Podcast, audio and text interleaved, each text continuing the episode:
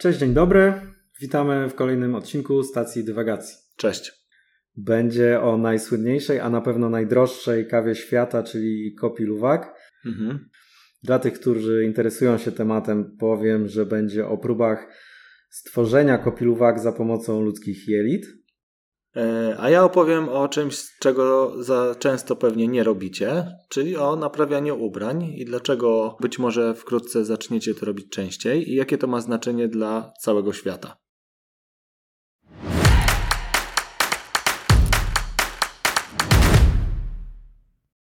Przygotowałem bardzo przyjemny temat, temat kawowy, o kawie. Przyjemny zwłaszcza dla mnie, bo jestem dużym amatorem kawy. Kawoszem. No właśnie to nie do końca, tak? Ponieważ ja bardzo lubię pić kawę, ale jednocześnie y, nie je... Nie celebrujesz tego. Nawet nie o to chodzi, że nie celebruję, ale nie jestem takim specjalistą. Nie rozróżniam kawy z północnych stoków Nikaragui od kenijskiej kawy rosnącej w cieniach, y, w cieniu chlebowca. Czyli kawy specialite nie dla ciebie. Do tego wrócę, do tego wrócę. Dobra. A, ale, a zacznę od tego, że właśnie y, osoby takie jak ja, y, prędzej czy później, właściwie prędzej, właściwie to wszyscy jednak, y, trafiają na kopi luwak. Temat kopi luwak. Najdroższa, słyszałem, słyszałem, tak. najdroższa kawa na świecie i najlepsza kawa na świecie. Zagłębiłem się odrobinę w ten temat i okazało się, że jest to tak piramidalny, wielopoziomowy bullshit i ściema, że to jest samo w sobie fascynujące. No dobra, to dawaj e... dlaczego. No, to zacznę od tego w ogóle, y, co, co to jest. No bo wszyscy pewnie wiedzą, że to jest taka kawa, którą zjada takie zwierzątko, y, znaczy ziarno tej kawy zjada zwierzątko podobne do łasicy, E, potem się wypróżnia, wybiera się z odchodów te ziarenka, które tam są trochę przetrawione, e, procesuje się je i z tego wychodzi wyśmi najwyśmienitsza e, kawa dostępna człowiekowi. Która pewnie jest do tego jeszcze super droga, nie? Tak, jest super droga. Sprawdziłem, kilogram kawy kosztuje od 2 do 2,5 tysiąca. To jest taka kawa z certyfikatem. Trafiłem też na kawę bez certyfikatu za 1000 600 chyba. No i teraz e, tak, to najpierw powiem, jaka jest e, oficjalna mm, historia, która stoi za tą kawą. Kawa pochodzi z Indonezji, która kiedyś była skolonizowana przez Holendrów. Holendrzy zaprzęgli e, tubylców do niewolniczej pracy na plantacjach kawy. No i oni, ci tubylcy, Mhm. tubylcy, no, mieszkańcy Indonezji, e, nie mieli prawa e, w ogóle zrywać tej kawy, bo cała całość należała do tych Holendrów. E, tak, więc... Zna, znając ła, łaskawość Europejczyków, pewnie za okradzenie ziarenka obcinali palec albo rękę, coś w tym stylu, nie? No, nie wiem, ale możliwe.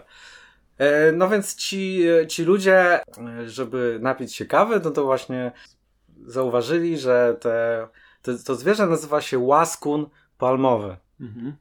E, więc łaskun. Mm, no i no, odkryli oni, że ta kawa jest taka super. No to Holendrzy oczywiście też to odkryli. E, Ale to niedługo. w sensie, poczekaj, czekaj, no. bo to ciekawe. To znaczy nie mogli zrywać sobie tam kawy i brać z plantacji, ale zauważyli, że łaskun kradnie tę kawę i w odchodach ją wydala. Tam, no kradnie, no po prostu no zjada. zjada. No tak, nie, nienaruszoną. I wyjęli z kupy łaskuna, tak, kawę tak. i stwierdzili, że a no dobra, no może jest z kupy, ale po myciu pewnie będzie dobra i się okazało, że um, dos doskonała, tak? Tak, tak. A później pewnie oficjalna jakiś... wersja. Zabawię się w, w scenariusz, jak doszło do odkrycia, że ona jest taka dobra ze strony Holendrów. Pewnie jakiś nadzorca plantacji zobaczył, że jednak ktoś tam pije kawę, poszedł i już chciał tam srogą karę 200 batów nałożyć. się okazało, że oni się wytłumaczyli, że ale zaraz, to jest kawa z, z tego z odchodów łaskuna. No chyba nie chcecie aż tak skrupulatnie nam... Przecież to nie jest wasza kawa, ten łaskun to z sąsiedniej wyspy przypłynął. Tak, tak. No i się nagle okazało, że ona jest doskonała, tak? Yy, tak.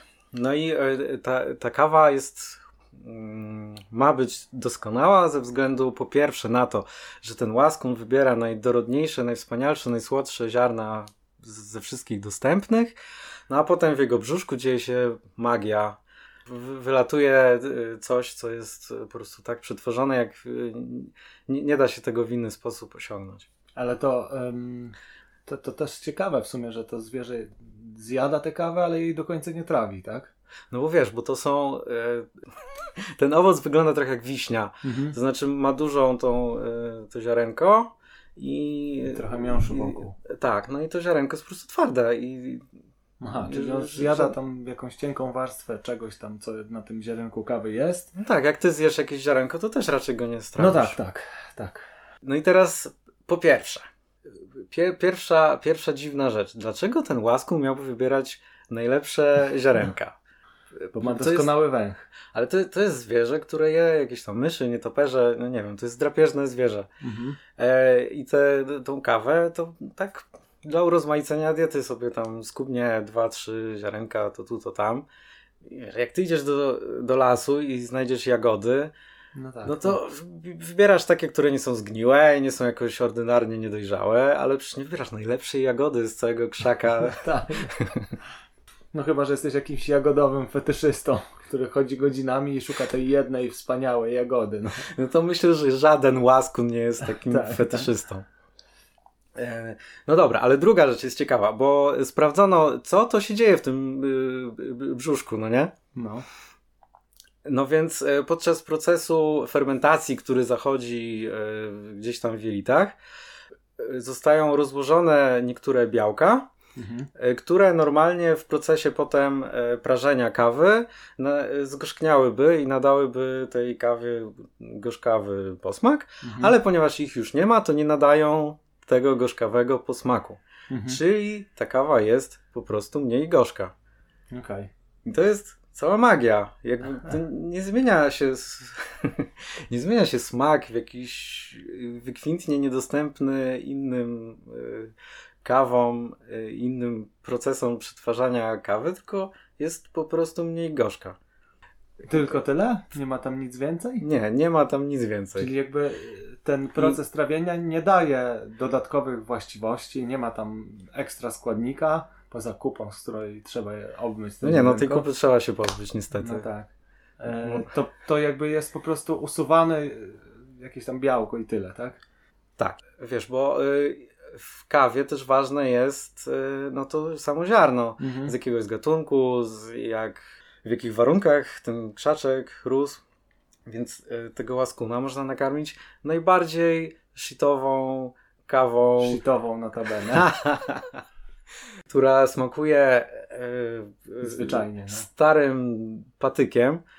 No i po prostu potem będzie mniej gorzka i i, I właśnie to jest, to jest super w ogóle w tej marce Kopiluwak, bo nikt nie wie, jak ona smakuje.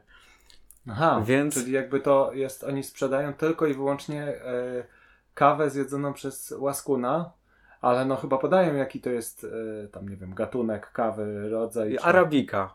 Czyli najbardziej jest- rozpowszechniony na świecie. Wszędzie na tych opakowaniach jest po prostu napisane, że to jest arabika i nic poza tym. Okej.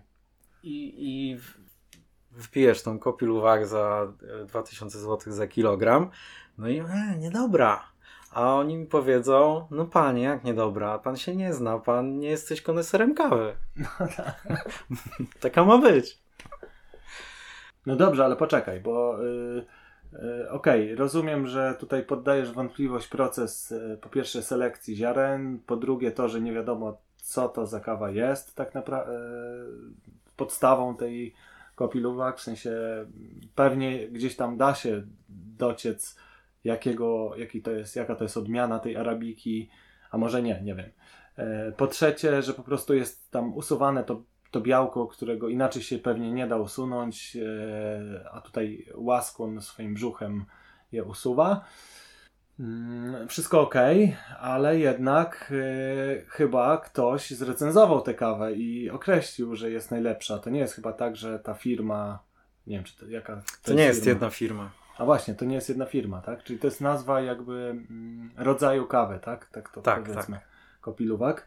No ktoś stwierdził, że to jest najbardziej, e, naj, najdoskonalsza kawa, nie? Jacyś recenzenci, nie wiem, kawosze profesjonalni, jest coś takiego To- w tym świecie? To trochę jak zbożole nouveau. Mhm. Y, no to ma jakąś taką markę, że to jest mm, mm, pierwsze wino z y, No tak, tegorocznych tak, tak, tak, zbiorów, E, ale ono tak naprawdę nie jest dobre, bo jest kwaśne, bo po prostu no, znasz tę tak, historię, tak, że tak, po prostu tak, tak. tego pierwszego wina nikt nie chciał kupować, bo było kwaśne, więc wymyślili sobie, Boże, lenowało święto wina. No tak, no to, to, to jest tak podobnie, dalej. można powiedzieć. E, natomiast e, to jest bardzo ciekawe to pytanie, co ci e, sommelierzy e, kawowi na ten temat sądzą, no i właśnie nie wiadomo, bo bo, bo nie wiadomo, jaką kawę pijesz. Y, Ktoś ci podaje kopiluwak, ale tak naprawdę nie, wie, nie wiesz, co to jest, bo nie wiesz, jaka była y, wkład, że tak powiem, y, y, Właskuna. w łaskuna. Ale też druga rzecz, druga, druga rzecz, o której jeszcze nie wspomniałem. Mianowicie, jak myślisz w ogóle, ile takiej kawy y, powstaje, biorąc pod uwagę, że to są te dzikie łaskuny, które tam sobie do swoją dietę uzupełniają kilkoma ziarenkami, trzeba znaleźć tą kupę. No właśnie Jest tu- to dosyć skomplikowany proces. Tu miałem kolejne pytanie do ciebie. Czy to się zamieniło w przemysłową hodowlę łaskunów, które są karmione kawą, podłączone do jakichś takich urządzeń, gdzie wciskają im wręcz tę kawę do brzuchów? Czy dalej proces wygląda tak, że to są niby dzikie łaskuny, które sobie biegają i później ktoś szuka odchodów tych łaskunów? Nic nie wyprzedziłeś moją historię i odarłeś ją z elementu zaskoczenia. Och, przepraszam. Czyli jak nie mam, zostały powstały hodowle łaskunów, tak? Poczekaj, e, bo ch- chciałem o tym powiedzieć trochę od drugiej strony. E, Więc ile tej kawy powstaje w ten sposób naturalny? Trochę nie wiadomo, ale szacuje się, że to jest 500 plus minus 500 kg rocznie. Z jednego e, łask... Z, ze- z, całych, z całego świata. Okej, Czy z całej Indonezji. to E, chyba cena by była dużo 500 wyższa, kg. Natomiast sprzedaje się 50 ton kopiluwak rocznie. Czyli Mhm. 100 razy więcej niż się wytwarza. No, to teraz po, wytłumacz mi to, bo już nie rozumiem. No właśnie. Po pierwsze, tak jak mówiłem, nikt nie wie, y, jak powinna smakować kopiluwak. Więc często po prostu się sprzedaje zwykłą kawę i mówi się, że to jest kopiluwak. Czyli podróbki. Czyli podróbki. Eee, Co jeszcze nie obala tego, że prawdziwy, oryginalny kopiluwak wytworzony rzeczywiście tak jak opowiadałeś, może być najdoskonalszą kawą. Mm, No to, y, to jest obalone przez te rzeczy, które mówiłem wcześniej. To znaczy, że nie wiadomo, co jest z tym wkładem No tak, tak, tak. i że tak naprawdę ta kawa y, tym się różni od zwykłej kawy, od tej samej kawy zrobionej w, w tradycyjny sposób, tym, że jest mniej gorzka. Mhm, mhm. A mniejszą gorzno, gorzkość można uzyskać też na inne sposoby, odpowiednio prażąc na przykład Mhm. y, ziarna. W ogóle ta kawa kopiluwak przez wiele lat była jakimś tam nie nie była znanym, czymś znanym. Dopiero w latach 90. y, y, taki boom wybuchł y, na, na tym punkcie. Głównie po filmie Bucket List z Jackiem Nicholsonem. Mhm. On tam przed śmiercią sobie wymyślił, że chce zrobić ileś tam rzeczy. No i jedną z nich było napić się kopiluwak. Mhm. No i tam jest taka scena, jak no, pije espresso i tak się rozpływa i jest szczęśliwy. No i potem ludzie zaczęli chcieć to kupować, ale tego było mało, no więc po prostu zaczęto hodować te łaskuny w klatkach. Mhm. No i to, to wygląda okropnie. To są takie klatki jak na polskich wsiach króliki się trzyma. Takie Mhm. małe, niskie, brudne klatki. E, karmi się je praktycznie samymi tylko tymi ziarnami kawy. To, No tak, to nie jest to już zbilansowana dieta nie- łaskuna pewnie. No oczywiście, że nie i to nie wiem, one szybciej umierają, szybciej więcej chorują. Też ta, ta sama kawa już wtedy nie jest ta sama, no bo już te procesy w, No tak, w tak przewodzie trawione. pokarmowym muszą zachodzić w inny sposób, siłą rzeczy, prawda? No i przede wszystkim te łaskuny, nawet gdyby one rzeczywiście wybierały te najlepsze, najbardziej dorodne ziarenka kawy dostępne pod krzaczkami, no to, to już się nie dzieje, bo one po prostu dostają tam jakąś kawę. No tak, sypie im ktoś do miski, nie? Tak. są, yy, można, przede wszystkim można zbadać chemicznie, czy ta kawa to jest kopiluwak przetrawiona przez ten, czy, czy nie, ale nikomu na tym nie zależy. Mhm. No bo to firmom nie zależy, rządowi nie zależy, bo lepiej ściągać podatek z 50 tysięcy kilogramów sprzedanej kawy niż z, z 500. Są te certy są certyfikaty niby yy, wydawane, że to jest autentyczna kawa zebrana w tradycyjny sposób. Mhm. Ale to jest niemożliwe, żeby. Prawie każda kawa ma ten certyfikat i to jest niemożliwe, żeby to było prawdą. No bo 500 kg to jest ile? 1% 50 ton, prawda? Mhm. No po prostu fizycznie to jest niemożliwe. Co więcej, e, BBC zrobiło reportaż w 2013. Wkradli się na taką plantację autentycznej kawy kopiluwak z dzikimi łaskunami. No i znaleźli tam klatki. Można to y, znaleźć ten film w internecie, więc no jest to y, ściema na, na, na każdym możliwym y, poziomie. No tak, ale nie wiem, czy ściema do końca, tylko pokazuje to, jak wpływa popularność jakiegoś zjawiska na jakość tego zjawiska. To chyba się działo. No tak, ale chodzi o to, że ta nie dość, że sama ta historia o Kopiluwak jest e, naciągana. naciągana. to jeszcze w rzeczywistości nawet ona nie jest prawdziwa. Mhm. Bo tą kawę się pozyskuje zupełnie inaczej. O ile się ją w ogóle tak pozyskuje, bo dużo z tej kawy Kopiluwak w ogóle nie jest przez tego łaskuna przepuszczona. Mhm. No tak, no. rynek, widzisz, rynek potrzebował y, zwiększyć y, ilość produktu, no to została zwiększona, że tam gdzieś po drodze zostało to zaburzone. Efektywność rynku 10 na 10. To, tak. tak. Wiesz, jeszcze pytanie, e, jak sam powiedziałeś, eksperci, e, kabosze, krytycy. Właśnie, eksperci. Mam też historię na ten temat. To mm, okej, okay, no jakby oni sami się nie wypowiadają zbyt pochlebnie o tej kawie. Nie mam, że to jest kawa, która jest e, na przykład w jakichś pewnie sieciach drogich hoteli podawana w specjalnym miejscu menu i pewnie większość konsumentów nie ma na tyle wyrobionego E, smaku kawowego, żeby być w stanie w ogóle rozpoznać i docenić, że to się czymś różni od e, kawy nieprzepuszczonej przez brzuch łaskuna, nawet zakładając, że to autentyczny kopiluwak. Pewnie z tego powodu jakby też nikomu nie zależy do końca na tym, żeby tak pilnować bardzo rzetelnie, że to rzeczywiście zostało przepuszczone, że te, no znając życie, jak powiedzieli, że to jest Indonezja, mm, Azja generalnie, no tam zwierzęta się różnie traktuje, więc podejrzewam, że już na samym końcu komuś zależy na tym, żeby te łaskłony były w dobrych warunkach trzymane i w ogóle już to, że nie są naturalnie biegającymi e, zwierzakami, to, to już jest na samym końcu e, całego problemu, nie? Więc e, zmierzam do tego, że mm, taki konsument nie jest w stanie i tak pewnie rozpoznać, nawet jeśli pije dużo kawy i różnej kawy, no to pewnie nie doceni, e, a nawet jeśli doceni, to w dużej mierze może być to e, efekt e, tego, że się zasugeruje i tą celebracją jakby tego picia, tym, że zapłacił pewnie za filiżankę tam odpowiednio dużo, no to ta autosugestia nastąpi i po, poczuje, że to jest mm, doskonałe tak, rzeczywiście. Tak, zgadzam się z tobą z wyjątkiem tego jednego fragmentu, że nie doceni, bo tam właściwie nie ma co doceniać. Mo można docenić to, że to jest unikalna kawa, której jest mało na świecie i mało kto ją wypił. No to, tak, to, tak. No, to, jest, to jest prawda, tego nie da się, y, tego nie da się ująć kawie kopiluwak. Mhm.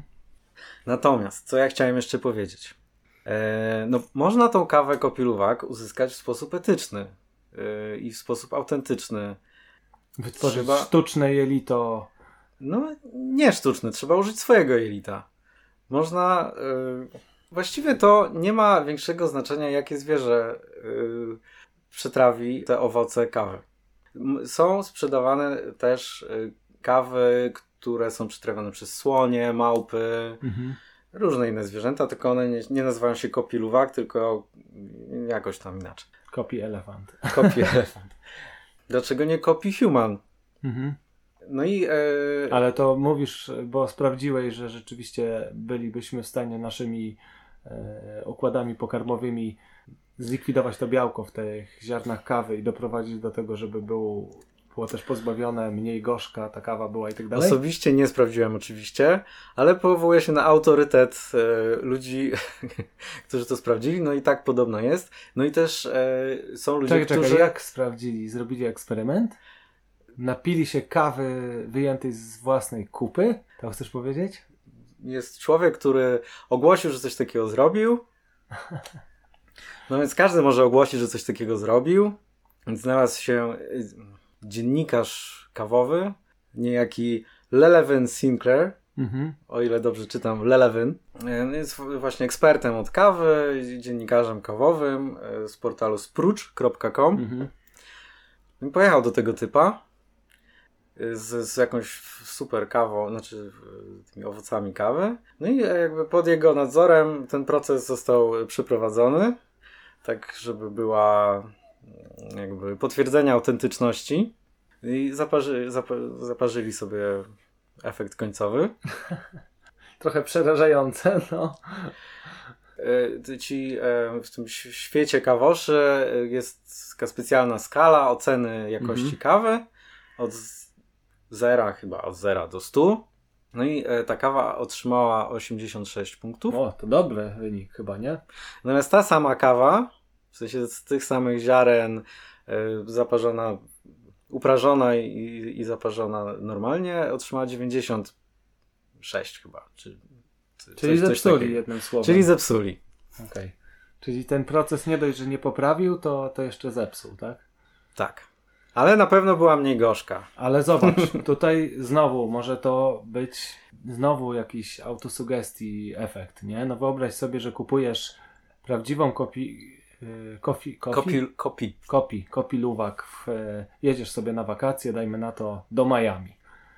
W Hiltonie zapłaciłeś już dużo, czujesz się e, dobrze, jest piękny, piękna restauracja, zjadłeś wspaniały posiłek, no i po posiłku masz ochotę się napić kawy i patrzysz w kartę i jest kopi luwak, nie? Tam kosztuje, strzelam, 300 dolarów za filiżankę. No ale już jakby stać cię.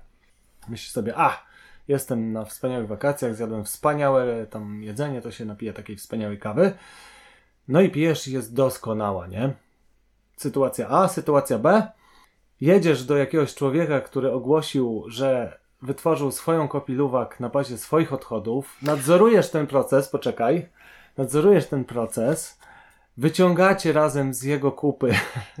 Nie chcę jakby już tutaj opowiadać, jak to robicie, bo nie wiem, ale W rękawiczkach. w rękawiczkach na pewno. Wyciągacie z jego kupy te ziarenka, myjecie je tam dokładnie, później cały proces, dokładnie tak jak się powinno zrobić z tą kawą, jak w przypadku kopiluwak, jakieś tam pewnie prażenie, coś się tam dzieje, oczyszczenie tam, nie wiem.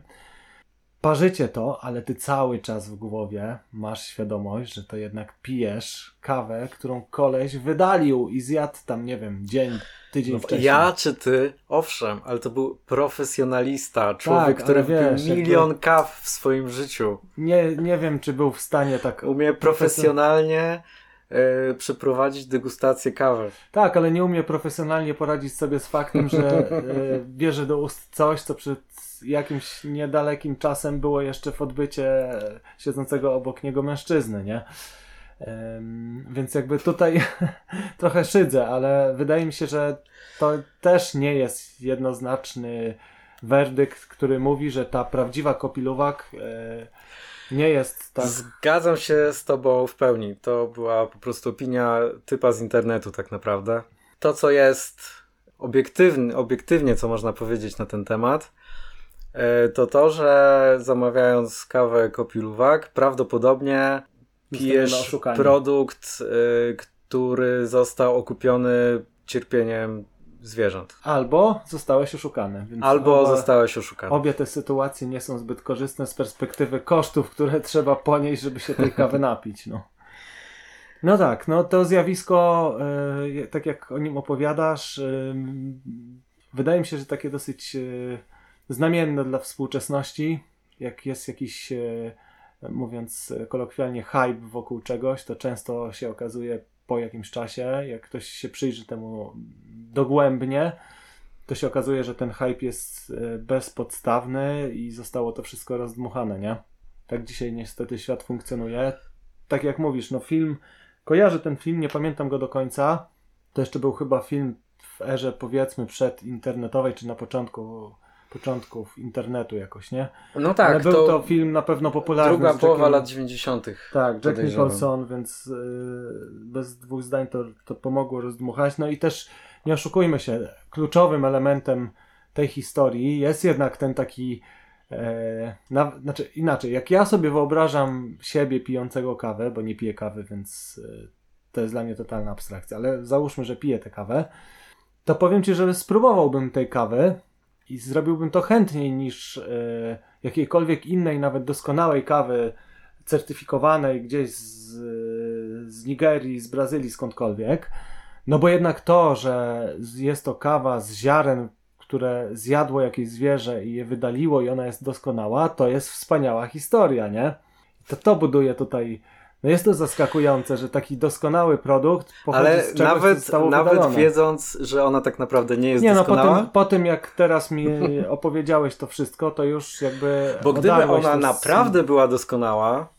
Znaczy, ona może no, być dobra, nie? To jakby. Znaczy, może, no tak, ale to nie jest lepsza niż dużo łatwiej dostępne i nieokupione jakimiś tam negatywnymi wydarzeniami e, kawa. Bo gdyby ona rzeczywiście była niesamowita, inna niż wszystkie i najlepsza na świecie. No tak, tak. No to ja bym rozumiał, że komuś tam, że to jakieś łaskuny są trzymane w klatce, by nie przeszkadzało. Masz rację, natomiast jak ja sobie przypominam, mm, zanim ty opowiedziałeś o kopiluwak, co ja wiedziałem o tej kawie, to nie dotarło do mnie, że to jest najlepsza kawa na świecie. Dotarło, że to jest najdroższa kawa na świecie i że jest najdroższa z powodu skomplikowanego procesu, który zakłada zwierzę, które trawi i wydala, nie?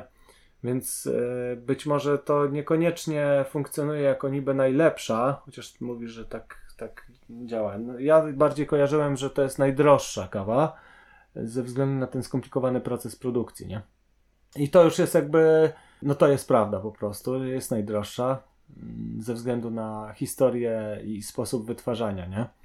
To już wtedy możemy nie czuć się oszukani, a że też gdzieś tam jest łatka, że to jest doskonała kawa, no to już jest inna kwestia, nie? To na koniec ja podzielę się jeszcze mm, swoimi poszukiwaniami e, doskonałej kawy. Ale piłeś jak... kopiluwak? Muszę ci Nie, przyznać. nie piłem. Tak jak wspomniałem wcześniej, e, piję bardzo dużo tego napoju.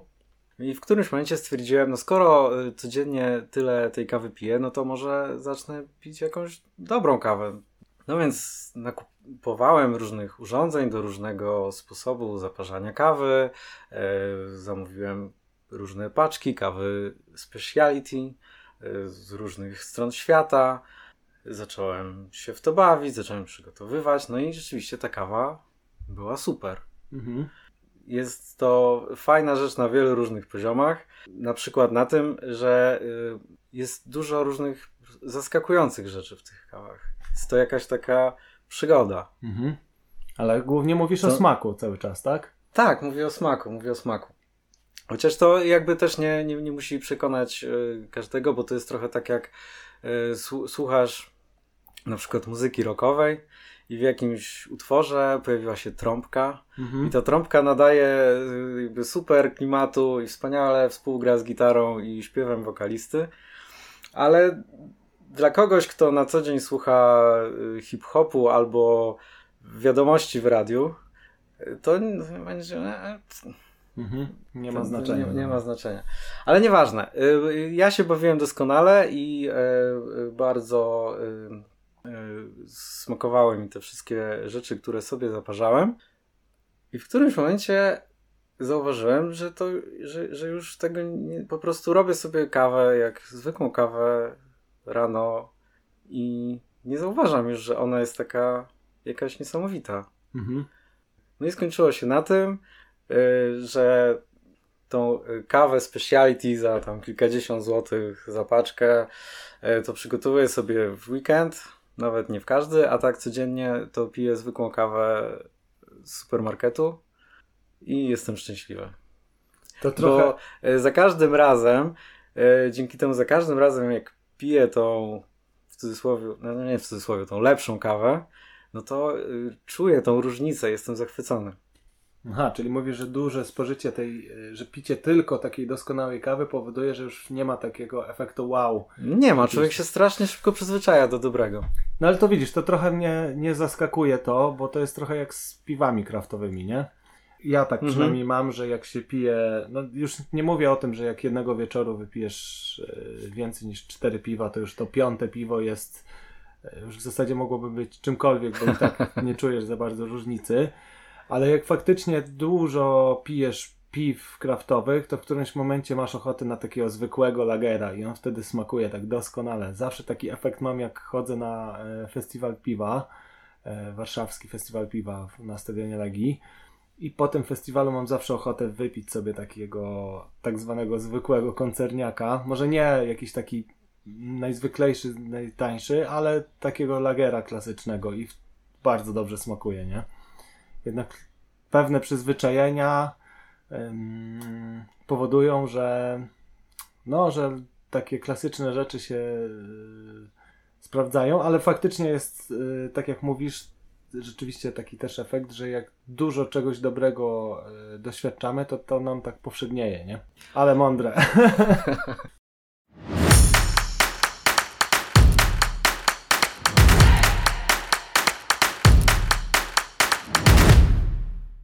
Dobrze, ja dzisiaj Wam e, chciałbym opowiedzieć o temacie, który jest modny od już e, dłuższego czasu. U nas w Polsce nie jest jeszcze e, specjalnie popularny, ale zaczyna się robić popularny, czyli o circular economy i pewnym zjawisku wokół specyficznym dla tego circular economy, mianowicie na temat firmy, która powstała w Holandii, chyba dokładnie w Amsterdamie. Przepraszam, może wytłumacz, co to jest circular anatomy. Tfu, ekonomia. Circular Anatomy nie wiem, ale Circular Economy to jest e, ekonomia cyrkularna, czyli, czyli ekonomia, w której wszystko jest przetwarzane na powrót, m, recyklingowane albo em, tak skonstruowane, żeby działało w trybie ciągłym, to znaczy, że jak się coś zepsuje, to się to naprawia, a nie się wyrzuca i kupuje się nowe. Mm, Więc jak są jakieś rzeczy, które się zużywają, to je regenerujemy, naprawiamy, sprawiamy, żeby działa, działały cały czas i przez to jakby w teorii mniejsze jest zużycie różnych surowców, jest to bardziej ekologiczne, bo nie musimy produkować stale nowych rzeczy, więc jakby wszystko tak działało, no to teoretycznie no byłoby to lepsze zdecydowanie dla planety. Czyli trochę taki powrót do korzeni i czasów przedindustrialnych. Tak, trochę, Sprzęty przychodziły z ojca na syna.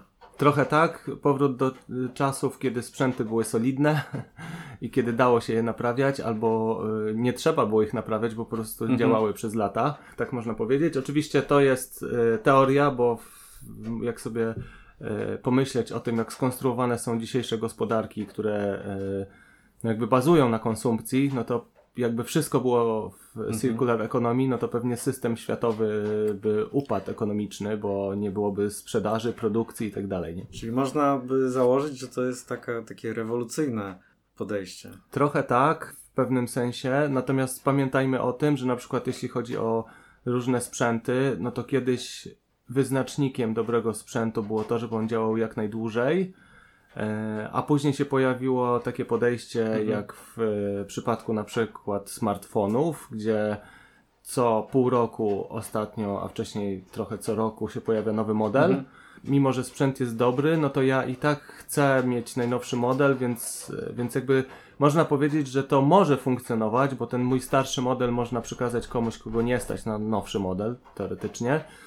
No ale tak, jest to w pewnym sensie podejście rewolucyjne, bo mm, myślę, że zupełnie inaczej by wyglądała, wygląda, powinien wyglądać w circular economy sposób produkcji rzeczy, powinny być bardziej solidnie robione e, i też e, serwis rzeczy powinien inaczej funkcjonować, no bo dzisiaj często go nie ma po prostu. I właśnie, o tym, co bym dzisiaj chciał Wam szybko opowiedzieć, to jest, to jest właśnie taka branża, w której serwisu rzeczy praktycznie nie ma, czyli e, branża odzieżowa, tekstylna, gdzie jak e, kupuję sobie e, koszulkę, bluzę, kurtkę i ona mi się zepsuje, urwie się zamek, zrobi się w niej dziura, wyblaknie kolor, no to co robię, robimy z takimi rzeczami? Co na ty szmaty. robisz? Na szmaty, tak. Na szmaty to jeszcze dobrze. To można powiedzieć, że to jest element circular economy, bo przynajmniej No tak. przetwarzamy. Ale prawda jest taka, że niestety najczęściej po prostu je wyrzucamy. Mm, Nawet nie przekazujemy ich często do e, organizacji, które się zajmują dystrybucją e, ubrań do uboższych e, krajów czy, czy grup społecznych. Tylko wyrzucamy. No i teraz można by powiedzieć, że to jest wina producentów, nie? Bo Mhm. oni powinni w zasadzie naprawiać rzeczy. No, znaczy, mamy prawo do gwarancji, więc to tak funkcjonuje, ale zazwyczaj w Po branży. dwóch latach zazwyczaj gwarancja mija i wtedy sprzęty się zaczynają psuć. Dokładnie, dokładnie. A w branży też odzieżowej, no, y, jak ja zrobię sobie dziurę w koszulce, bo Mhm. nieuważnie obchodziłem się z nożyczkami, e, albo nie zauważyłem wystającego gwoździa, jak się zahaczyłem, no to nie mam prawa do gwarancji, nie? Więc jakby tak czy siak spada to na mnie, no i wyrzucam taką rzecz. A nie oszukujmy się, też dzisiejszy konsument w większości wypadków sam sobie nie naprawi niczego, bo ni- nic nie potrafi. Mhm. Ja przyszyłem wczoraj guzik do spodni. Brawo, brawo.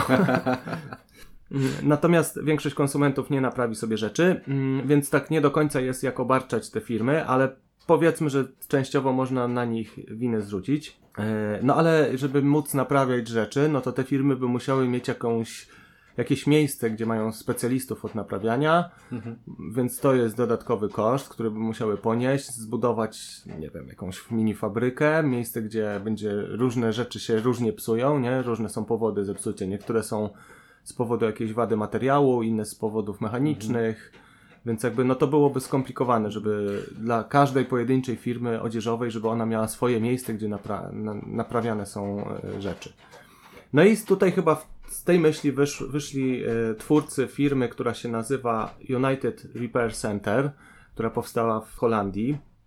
I oni mają taki manifest, że chcą, żeby największe marki, które funkcjonują, na razie to jest skierowane na rynek europejski, żeby właśnie jakby je wciągnąć w to circular economy w ten sposób, że oni oferują e, wysokiej jakości e, serwis naprawczy dla marek, które z nimi będą współpracować i odciążają jakby marki z tej całej takiej logistyki, która by była potrzebna do tego, żeby rzeczy naprawiać, nie? Czyli oni mają swoich ekspertów od napraw, swój e, sposób naprawiania rzeczy, a nie oszukujmy się, niezależnie od tego, czy jesteśmy firmą X czy Y, no to nawet jak robimy bardzo różne rzeczy, to gdzieś tam zmieniają się wzory i kolory, ale pewne techniki produkcji tych e, rzeczy czy materiały, z których się produkuje są te same, nie? Bo tak działa branża odzieżowa. No, jest ileś tam materiałów, ale jest ich skończona e, Liczba. ilość, liczba, tak, i, i jakby nie, tutaj nie, nie ma takiego ryzyka, że nagle spotkają się z czymś, co, o kurczę, co to jest za materiał zupełnie nieznany nam, nie wiemy jak to naprawić. Więc e, podpisali umowy z, z różnymi firmami, w tym z taką znaną dosyć marką Patagonia, która jest e, też w tym nurcie firm, które starają się robić rzeczy w taki sposób odpowiedzialny i dbać o planetę coraz bardziej. No i oni jakby y, odciążyli, odciążają firmy i działa to w ten sposób, że konsument sobie kupuje rzecz, używa jej sobie i nagle się coś dzieje, że ta rzecz się niszczy, y, czy tam ulega uszkodzeniu. Konsument się kontaktuje z marką, od której kupił, czyli jak kupiłem sobie, nie wiem, t-shirt Patagonii, to piszę do Patagonii, słuchajcie, dziura, zrobiłem sobie dziurę, nie? Wypaliłem sobie papierosem dziurę, na przykład. Eee, I ta marka wysyła do e, konsumenta taki formularz, który on wypełnia i pojawia się kurier, zabiera ten t-shirt i to już jest jakby działanie tej firmy mm, United Repair Center. Oni mają swoje centrum gdzieś tam właśnie w Holandii, koło Amsterdamu, z tego co, co pamiętam. E, Tam są eksperci, którzy w ciągu średnio 20 do 30 minut naprawiają daną rzecz, no bo nie oszukujmy się, to, to są zazwyczaj proste, pewnie uszkodzenia e, różnego typu. No i co? I od, odsyła z powrotem do konsumenta bezpośrednio, jakby mm, jest odsyłany ten produkt bezpośrednio do konsumenta, który się skontaktował po jakimś tam czasie. Jak mnie mam, to jest kwestia tylko i wyłącznie transportu, nie? Więc A kto za to płaci? No- Czy konsument? Ym... Czy to jest w ramach jakiejś gwarancji na to ubranie? Podejrzewam, że to zależy od tego, jak się dogada marka, z, mhm. jakby jak, jak, jak podejście do swojego klienta ma marka, bo myślę, że takie duże e, firmy w stylu Patagonia, gdzie jak kupuje coś tej firmy, to i tak wydaje dużo pieniędzy, bo to są drogie rzeczy. Podejrzewam, że one mogą działać na tej zasadzie, że pokrywają takie koszty. Pewnie to ja tutaj podałem przykład t-shirtu, ale jakbyśmy myśleli o naprawianych rzeczach, no to pewnie e, więcej ludzi będzie chciało naprawiać rzeczy, które są trochę droższe niż tam t-shirt za pewnie kilkadziesiąt złotych. Jak tak wyobrażam sobie siebie w, w roli tego konsumenta, to wydaje mi się, że e, z głupim t-shirtem nie chciałoby mi się w ogóle angażować w to całe pakowanie, wysyłanie, bo to też jest jakiś tam czas na to e, potrzebny. No i to jest jeszcze jedna rzecz, która jest ciekawa, mianowicie ta firma jakby nie tylko chce yy, to podejście circular economy wdrożyć przez to, że jest chęć naprawy tego źle funkcjonującego modelu. Kupuję, używam, wyrzucam i koniec, ale też chcą zmieniać sposób, jakby w jaki pracownicy są traktowani i wymyślili w ogóle tak, że ci ludzie, którzy będą w tych centrum napraw e, pracowali, to będą e, przede wszystkim imigranci z, z krajów trzeciego świata, którzy mają problem z tym, żeby się w, w społeczeństwie holenderskim akurat odnaleźć. Więc mają taką misję, żeby pomagać w tą dosyć prostą pracą, E, ludziom, którzy, no, którzy właśnie mówię, mają problem z, z integracją społeczną. I więc jeszcze tutaj jest z ich strony też taka misja, że chcą, żeby, mm, żeby to było takie centrum, które y, naprawia nie tylko ubrania, tylko też w pewnym sensie los ludzi, którzy są przez y, życie w jakimś tam stopniu pokrzywdzeni, nie? Bardzo mi się to spodobało właśnie, żeby to tak funkcjonowało i też mm, fajne jest to, że to zdejmuje, mm, to jest jakby takie, taka myśl, że zróbmy coś dla firm, które z jakiegoś powodu tego nie chcą robić, e, co naprawi źle funkcjonujący system, nie? Czyli my zrobimy za nich tą czarną e, robotę naprawiania rzeczy, a oni tylko tak naprawdę z nami muszą podpisać umowę i, i tyle, nie? Bardzo fajnie tak pomyślane, żeby odciążyć e, Y, firmy, które, które no same z siebie z jakiegoś powodu tego po prostu nie robią. Y. Myślę, że głównym powodem jest po prostu to, że żeby sprzedawać kolejne swoje produkty zamiast na, naprawiać stare, bo to jest bardziej, jest na tym wyższa marża. Tak, tak, y, zdecydowanie. Więc mhm. nie wiem, czy tak chętnie przeniosą się na taki nowy model. Tak, na pewno będą mieli problem z rekrutacją w największych tych koncernów odzieżowych, ale myślę, że y, jeśli znajdą sporo mniejszych firm, y, które będą e, w ten sposób działały, no to w pewnym sensie być może konsumenci wymuszą na nich zmianę, nie? X lat temu nikt nie myślał o tym, że będą w sklepie torby papierowe, a nie plastikowe i też to jakby tak zostało w pewnym sensie przez świadomych konsumentów wymuszane, czy częściowo przynajmniej, tak mi się wydaje.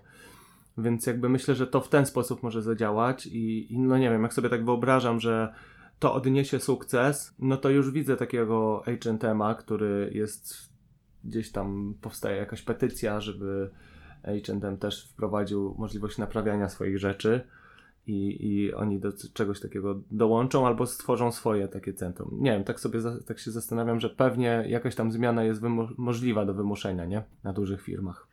Natomiast ja mam tutaj inną wątpliwość. E, mhm.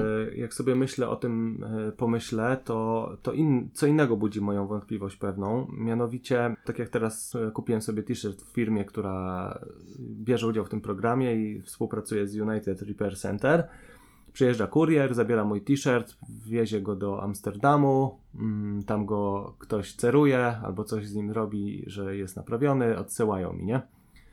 I tak się zastanawiam, czy to faktycznie jest lepsze, no mimo że to jest circular economy, niż wyrzucenie tego t-shirta w sposób nawet taki, żeby to trafiło mhm. do, e, nie wiem na ile t-shirt się da recyklingować, ale w odpowiedni kontener, wyrzucam go i kupuję sobie nowy, nie?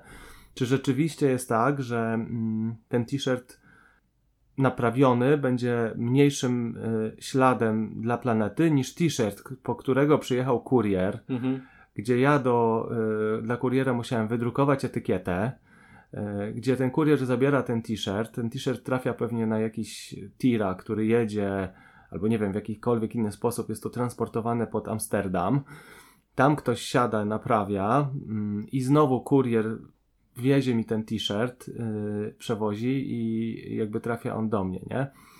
T-shirt za powiedzmy 50 zł, no albo 100 nawet złotych, nie? Czy rzeczywiście yy, jest tak, że to jest mniejszy ślad węglowy niż yy, fakt dobrego wyrzucenia tego t-shirtu, albo nawet tak jak sam na początku powiedziałeś, zrobienia z niego szmaty, z której będę, mhm. yy, którą będę coś tam robił, nie? Pewnie podobnie jest w świecie jakiejś żywności organicznej, że dużo lepiej, e, bardziej ekologicznie jest kupić jakiekolwiek warzywo, które jest e, lokalne, niż e, właśnie sprowadzać z daleka jakąś super eko-organiczną żywność z farmy, która jest kilkaset kilometrów albo tysięcy kilometrów od ciebie. Dokładnie. Dokładnie tak może być. No. Tak czy siak kibicuję takim projektom. Bardzo bym chciał, żeby y, w tę stronę się zmieniał świat, że wracamy do rzeczy, które są solidne i tak do takich rzeczy, które się da naprawiać. I bardzo bym chciał, żeby to się też być może nie w ten sposób, bo to, co mi się tu też nie do końca podoba, to to, że ma być jakieś jedno centrum gdzieś, do którego są wszystkie rzeczy zwożone. A wydaje mi się, że dużo fajniejszym modelem by było, gdyby każdym na przykład większym mieście by było centrum napraw, gdzie pracowaliby eksperci i albo takie punkciki, jak kiedyś ich było dużo w stylu Szewc, Krawcowa, takie punkty, których, które poznikały często z mapy w dużych miastach. One mają coś w sobie takiego fajnego. No tak, i to są miejsca, które y, mają wszystkie plusy, ale nie mają tych minusów w stylu, że jest to scentralizowane i trzeba kuriera wysyłać. Wysyłać kuriera tam i z powrotem. A mi się wydaje, że jeszcze lepszym sposobem na rozwiązanie tego problemu nie jest jakieś skomplikowane wymyślanie nie wiadomo jakich usług, tylko po prostu zmiana mentalności ludzi w tym kierunku, żeby przykładać mniejszą wagę do tych ubrań, e, w takim sensie, żeby nie mieć potrzeby zmieniania ich e, co chwilę i posiadania coraz to nowych, tylko noszenia ich dopóki są, może nie dopóki się rozpadną, ale dopóki Y, są w takim stanie, że da się je nosić. No tak, ale to wiesz, już by wymagało od y, branży odzieżowej, żeby zakwestionowała ideę mody sezonowej, nie? To byłby strzał z ich strony no, we własne kolano. No tutaj to jest y, kwestia z, zmiany mentalności ludzi, w sensie konsumentów. Na pewno firmy produkujące ubrania tego same z tak. siebie nie będą chciały zmienić. Tak, tak, tak. No. Ale też myślę, że jakby zauważam przez ostatnie lata, że pojawia się coraz więcej takich koncepcji typu minimalizm w ubraniu, żeby mieć tylko kilka podstawowych mhm. jakichś zestawów ubrań i zmieniać je naprzemiennie, y, żeby odchodzić od takiego glamour. Mhm. Mhm. No coś może w tym być, ale z drugiej strony moda jednak funkcjonuje dalej jako moda, nie? No zmieniają się te trendy. W jednym roku jest modne E, a w no drugim tak, B. Natomiast faktem jest, że rzeczywiście chyba jest w modzie coraz bardziej coś takiego, jak, jak mówisz, że taki większy luz jakby, że nie jest tak stricte bycie w ten, że taka mo, modne się zrobiło bycie takim trochę niemodnym nawet, nie? Takie mam wrażenie trochę jak patrzę na, na to, co jest modne, że, że nie ma takiego reżimu e, w tym, mhm. że jak w tym roku będą rybaczki, a w kupiłem sobie rybaczki i w przyszłym będą e, jakieś inne e, spodenki, to już nie mogę się pojawić, bo ten, mam wrażenie, że ludzie tak podchodzą, przynajmniej młodzi ludzie, bardziej jakby z dystansem do tego i noszą w każdy sobie trochę. A może mi się tylko wydaje, nie wiem. Też mi się to kojarzy z takim w starych, dobrych czasach, w cudzysłowie, mhm. E, elegancki mężczyzna kupował sobie jakieś ubranie takie, żeby one były porządne. To mhm. był główny wyznacznik, żeby to było porządnie zrobione z porządnego materiału. Co za tym idzie, żeby długo można było w tym chodzić. I, I tutaj, i wtedy jakby moda i jakby i estetyka nie wykluczały wcale y, takiego powiedzmy sobie ekologicznego, czy też no właśnie takiego podejścia do y, no, ale ja sam po sobie mogę powiedzieć, że nie, nie robię zakupów tak często, jak robiłem je, jak miałem mhm. 15 lat mniej. I szczerze mówiąc, nie wydaje mi się, żebym był niemodny. W sensie, jakby. No, ważne, żeby nie być tym fashion, fashion victim, nie? Że tak się poddajesz temu wszystkiemu, że po prostu masz wewnętrzną potrzebę. No to jest, tak jak powiedziałeś, praca na konsumenta nad samym sobą trochę. Hmm. Ale też jak to uwalnia człowieka, jak już dojdzie do tego punktu, że czuję, że nie musi. Mogę powiedzieć, że ja doszedłem do tego punktu. W którymś momencie miałem jedne spodnie. No i, i to, to była jednak przesada. I wtedy by ci się przydało właśnie United Repair Center. Tylko nie wiem, przez, w czym byś chodził przez ten tydzień czy dwa, jakbyś czekał na, na powrót twojego, twoich spodni.